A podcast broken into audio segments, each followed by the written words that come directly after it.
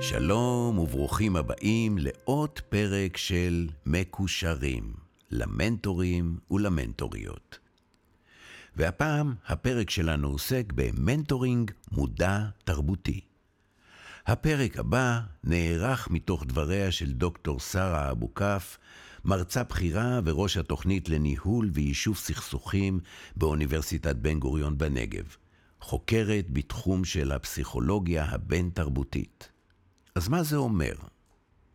תוכניות המנטורינג של מקושרים עשויות להפגיש אנשים שונים מרקעים שונים ומתרבויות שונות. בתהליך ליווי בין מנטורית, מעיר גדולה ומרכזית, לבין צעירה מיישוב קטן ופריפריאלי, עשויות להסתתר מאחורי ההבדלים הגיאוגרפיים גם פערים בתפיסות עולם. וגם אם שנינו מאותו הכפר ואין הבדל גיאוגרפי, המשפחה שלנו יכולה להיות שונה מאוד, ואפילו המושג של בית יכול להיתפס אחרת אצל כל אחד מאיתנו. פערים בין חברה מסורתית לחברה ליברלית, בין תפיסה דתית לחילונית, בין נשים לגברים, בין מגדר להגדרה. אלו הם רק קצה קצהו של הגיוון האנושי. ידע ומודעות לשונויות הללו הינם חיוניים לביסוס התנהלות רגישה ויעילה בעבודה עם אנשים.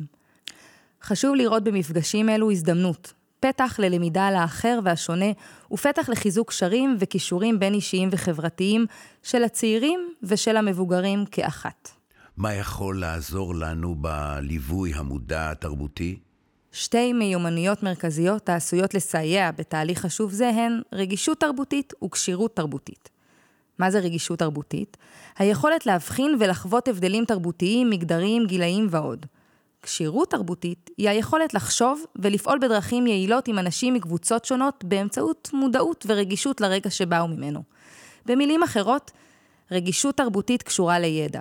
המודעות על הקבוצות השונות והבנתן, ואילו כשירות תרבותית קשורה ליישום הידע בפועל, מענה המותאם להקשר הייחודי. לשם כך, עלינו ליישם שלושה שלבים בעבודת המנטורינג. אחד, מודעות והבחנה. היכולת להבחין בהבדלים בינינו לבין האחר. אין הכוונה כאן לזיהוי הדברים שמייחדים את האחר, אלא מעל הכל למודעות למקום האישי שלנו, לזהותנו ולהבדלים בינינו ובין האחר. המודעות לתפיסות העולות בנו באופן כמעט אוטומטי, מכני, בעבודה עם צעיר או צעירה מרקע כלשהו, חשובה ביותר, שכן היא הכרחית להערכת התפיסות האוטומטיות ולשליטה בהן.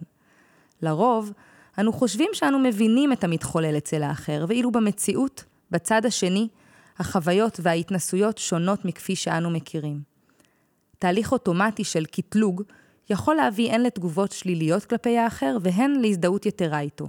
שני מצבים שבהם איננו תופסים את האחר במדויק ובעצם משליכים עליו את החוויות שלנו, את התפיסות שלנו ואת הרגשות שלנו. לכן חשוב ראשית לברר מהן התפיסות שלנו בנוגע לנשים, לצעירים, לערבים, לדתיים, לאנשים החיים בעוני ועוד. הדבר השני, בחינה וחקירה. מצד אחד, עלינו ללמוד על הקבוצה אליה הצעיר משתייך והמאפיינים שלה. להכיר את הערכים החשובים המנחים אותה, העדפות והרצונות הרווחות בה. מצד שני, חשוב לציין כי מאפיינים כלליים של קבוצה, מגדר, גיל, תרבות ודת, אינם בהכרח נכונים לכל פרט באותה קבוצה. בידע הכללי על הקבוצות יש לראות השערות עבודה בלבד, ולבחון אותן שוב ושוב בעת התהליך. בעבודה עם המנטי, חשוב לאמץ עמדה פתוחה ומכבדת להבדלים ולרצונות שהם מבטאים.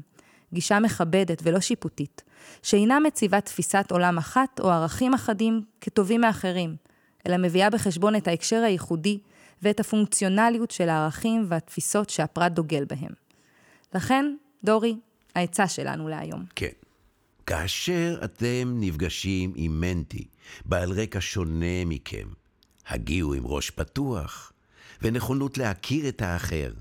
בואו סקרניים, עם רצון אמיתי לדעת ולשאול ולגלות. אז, עד הפעם הבאה, שיהיה לכם יום טוב ומנטורינג משמעותי.